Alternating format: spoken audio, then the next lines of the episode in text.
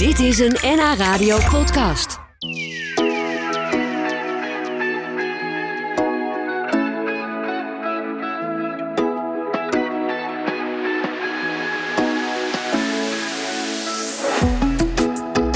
Hoe ziet jouw kerst er verder uit? Wat, wat ben jij voor kerstvierder? Gaat het groot Nou. met de familie en heel veel vlees? Of? Nee, mijn, mijn schoonouders heb ik uitgenodigd op eerste kerstdag. Wij eh, vinden het altijd leuk om zelf een beetje te koken, te kokkerellen. En tweede kerstdag met, eh, met mijn familie eh, ergens in Rotterdam. Geloof ik in een of andere tent gaan we met elkaar eh, ook koken en gezellig eh, onder elkaar zijn. Oh, oké. Maar wel zelf koken ook Ja, weer? zeker. Ja. Ik, ik ben een fan van koken. Ik ben een echte. ik mag hier geen merken noemen natuurlijk, maar ik heb zo'n groen ei thuis staan al, Ja, ja. al bijna twintig jaar of zo, geloof ik. Dus Oh, oh, echt? Was je was echt early een- adapter? Absoluut, absoluut. Oh, wat ik, grappig. ik rook, kook, smoke, slow cook, eh, barbecue, eigenlijk alles op dat ding. Ja, nou zeggen sommige mensen, doe eens een kerstdiner. Een, eh, dus een kerstdiner zonder vlees.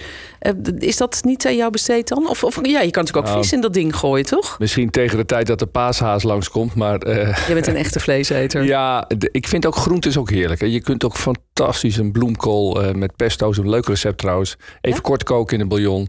Daarna helemaal insmeren met pesto en een uurtje op 180 graden. En dan heb je echt in één keer een bloemkool zoals je hem nog nooit hebt gehad. Oh, dat klinkt heel dus goed. groente is ook lekker. Ja, nou, We kunnen er een kookprogramma van gaan maken. Ja, dat vind ik een goed idee. De kookpodcast met eh, Arthur van Dijk. Leuk. Nou, eh, we gaan straks een beetje terugkijken op het jaar. Want Ja, het mooi. is natuurlijk eh, zo'n beetje... Ja, het is de laatste keer dat je, dat je voor dit jaar in elk geval bij ons bent. Dus straks dan, dan kijken we even terug op het jaar 2023.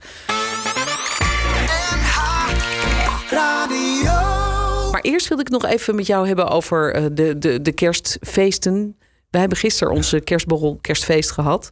Ook afscheid van ons oude gebouw in Amsterdam. Dat was een magistraal mooi feest, moet ik zeggen. En ik heb de hele avond staan dansen. En als ik ga dansen, dan zing ik altijd heel hard mee. Dus vandaar dat mijn stem vandaag een beetje oké. hezig is. Maar hebben jullie ook zo'n kerstborrel gehad? Nou, Want dan kunnen we weer, hè? kunnen we elkaar wel een beetje een hand geven. Want wij hadden gisteren kerstmiddagavond avond met eh, de medewerkers. Ik denk dat er van de 1500 medewerkers zo 500 waren. Grote tent neergezet achter het paviljoen, wel gelegen in Haarlem. En eh, van die food eh, trucks. En eh, ik mocht natuurlijk nog een woordje spreken. En voor de rest merkte je gewoon dat iedereen het zo fijn vond om elkaar weer op die manier op deze wijze te ontmoeten. Want het is de eerste keer weer sinds twee jaar. Ja, En daarna gingen ze nog even de stad in en ik heb hem laten mee overhalen. Dat doe ik eigenlijk nooit, maar ik ben toch even meegegaan en eh, hebben ze nog een paar borreltjes gedronken. Het was heel erg gezellig. een paar borreltjes? Of, Nou, eh, ja, nee, ik, ben, ik ben wel de commissaris, ik moet natuurlijk wel opletten. En, eh, oh ja, ik, ik werd naar huis gereden. Dus, oh ja, dat scheelt weer. dus dat ja. scheelt ook wel weer. Maar het was echt gezellig en heel leuk. Leuk, hè? Precies zoals jij eigenlijk het ook net vertelde bij jullie. Ja, warm en fijn dat het weer kan. Ja, absoluut. Ja, ik denk dat heel veel mensen dat eh, hebben ervaren in deze dagen. Hoe fijn het is om weer eens even met je collega's, maar natuurlijk ook met vrienden en, en familie weer eens een keer Ja, samen kijk, te en, zijn. en sommige mensen zeggen dan, goh, en moet dat dan? En dan zeg ik, nou luister, dit zijn wel de mensen die eh, voor, voor de gemeenschap, voor de samenleving natuurlijk elke dag in touw zijn. En laten we heel eerlijk zijn, terugkijkend op het afgelopen jaar, er zijn al wat dingen op ons pad gekomen. Het stikstofverhaal, de energietransitie. eh nou ja, eigenlijk alle uitdagingen die zich eh, opstapelen. De asielopvang. eh casus. Het, het, het is zoveel dat het ook wel weer is fijn om heel even net te doen alsof het er niet is, wetende dat het morgen natuurlijk gewoon Toch weer weer doorgaat. er wel is. Ja, we gaan, we gaan terugkijken op dat, eh, op dat veelbewogen jaar. Ehm, eh, te beginnen met een heel actuele kwestie van begin deze week. Premier Rutte die heeft namens de overheid excuses aangeboden voor het slavernijverleden. Hoe heb jij er naar gekeken? Wat vond je ervan? Nou, ik heb er natuurlijk zeer geïnteresseerd naar gekeken. Niet in de laatste plaats, omdat ik een week of vier geleden samen met eh, Abu Talib en eh, Sharon Dijksma in de Tweede Kamer zat. Ja, de burgemeester van Rotterdam en van Utrecht. Ja, sorry. Ja? Ja? dat klopt. En ik was gevraagd om daar eh, aan een ronde tafel mee te doen met de commissie die de Tweede Kamer heeft samengesteld in het kader van het slavernijverleden. Omdat ik zelf afgelopen juli, 1 juli, tijdens het Kitty Kotti festival, excuses heb aangeboden namens Noord-Holland. Ja, moet wel zeggen, dat hebben we gedaan nadat ik eh, meer dan een jaar lang eh, met onderzoek ben bezig geweest. Mijn staten wilden ook dat we meer onderzoek deden naar de achtergrond van de bouwer van paviljoen Welgelegen. Ja, dat is eigenlijk waar de provincie Waar de provincie is, eh, ja. nu zit. En eh, ook veel gesprekken gevoerd met organisaties die natuurlijk nu ook naar voren kwamen als NINSE en een aantal andere organisaties. Daar was trouwens wel nu een beetje kritiek op. Hè? Want jullie hebben die gesprekken gevoerd. Maar er werd wel gezegd, hè, nu komt premier Rutte met excuses op het moment dat hij het kiest. Maar wij willen het eigenlijk liever op 1 juli.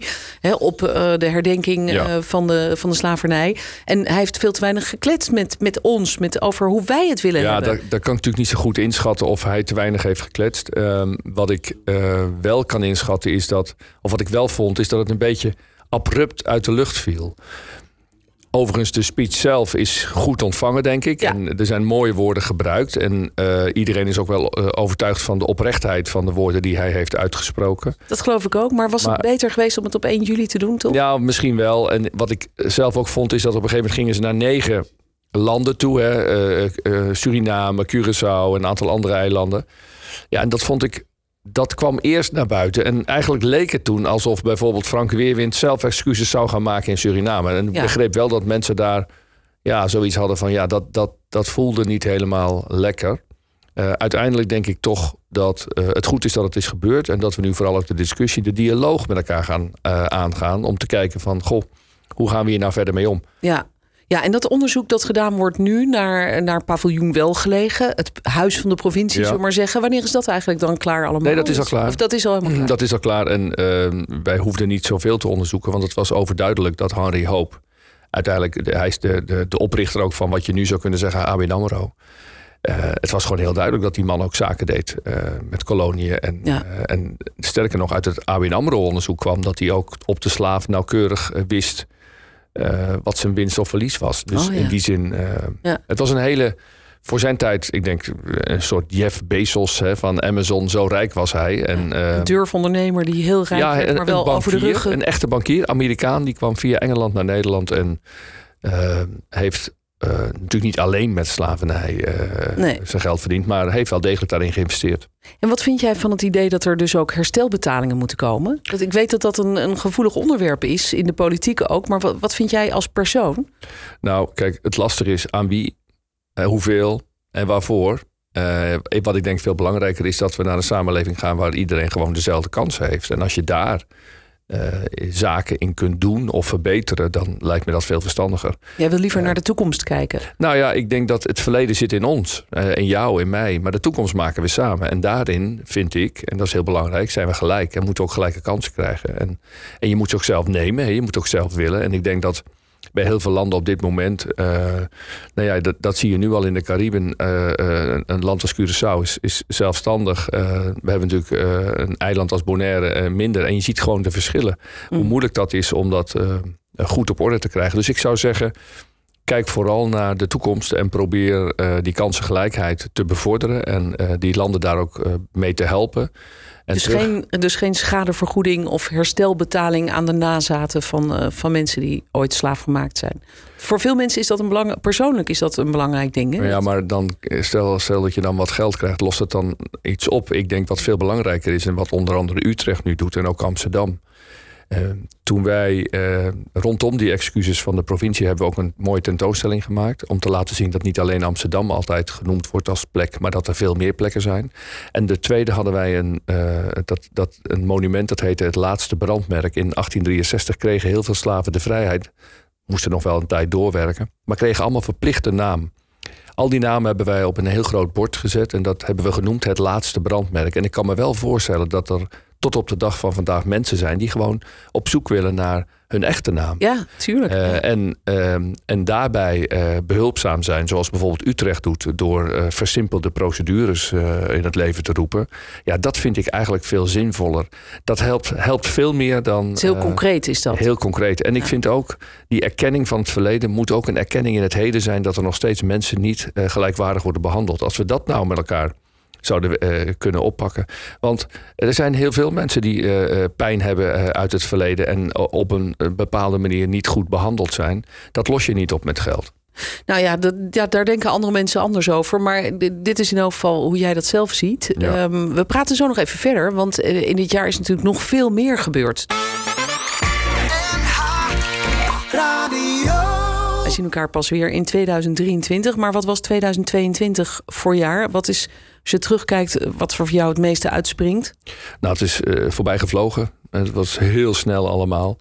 Maar toch wel de uitdagingen die we hebben op het gebied van uh, opvang van uh, vluchtelingen, ja. asielzoekers, Oekraïners en uh, het stikstofprobleem, maar ook het energieprobleem. Het, ja. is, het is de ene crisis na de andere eigenlijk. Ja, het is dat een is soort het gevoel van, wat veel mensen hebben volgens storm, mij. zoals ze dat wel zeggen. Alles komt bij elkaar. Um, het maakt ook wel weer dat we zien hoe afhankelijk we ook zijn uh, van allerlei zaken. En dat het niet allemaal maar zomaar vanzelf gaat. Mm -hmm. uh, dat heeft corona ons ook een beetje geleerd. Dat efficiënt en doelmatig is mooi, maar je hebt wel wat vet op de botten nodig. Dus ik hoop dat we hier ook van leren. En dat we in Nederland met elkaar op zoek gaan naar oplossingen. En heel belangrijk is daarbij luisteren naar elkaar. Praten en durven beslissen. Het eerste en dat tweede doen we niet zo goed meer in de politiek. Maar tegen wie zeg je dat vooral dan? Vooral ook tegen de politici.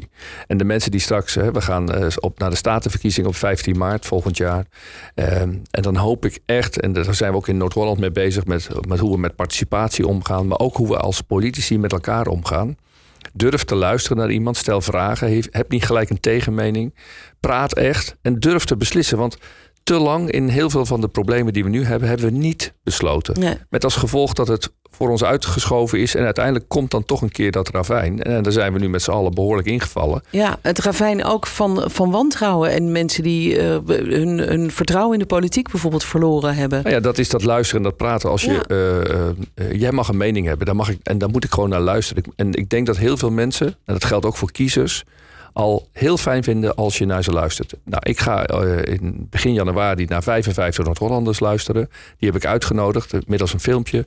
Die komen bij het provinciehuis. Het is niet politiek. En ze mogen zeggen wat ze willen en ik ga luisteren. Ja, wij hoorden jou namelijk deze week inderdaad al bij ons op zender het volgende zeggen. Ik zou graag met u een gesprek willen gaan over wat u bezighoudt. Waar u over nadenkt. Over uw toekomst. Maar ook over de toekomst van Noord-Holland. Dus graag 55 Noord-Hollanders die zich aanmelden om samen met mij dit pand te bezichtigen en met mij in gesprek te gaan. Ja, je gaat ze een rondleiding geven, je gaat naar ze luisteren en dan? Wat, wat doe je daar dan mee? Nou, um, het is ik, ik heb wel eens eerder gezegd, ik wil weten wat mensen bezighoudt. En ze delen alles met een iPhone, gevraagd en ongevraagd. Al Ja. die apps die mogen alles van je weten. Hè? En, uh, het- en, en niemand die zich daar druk maakt over privacy.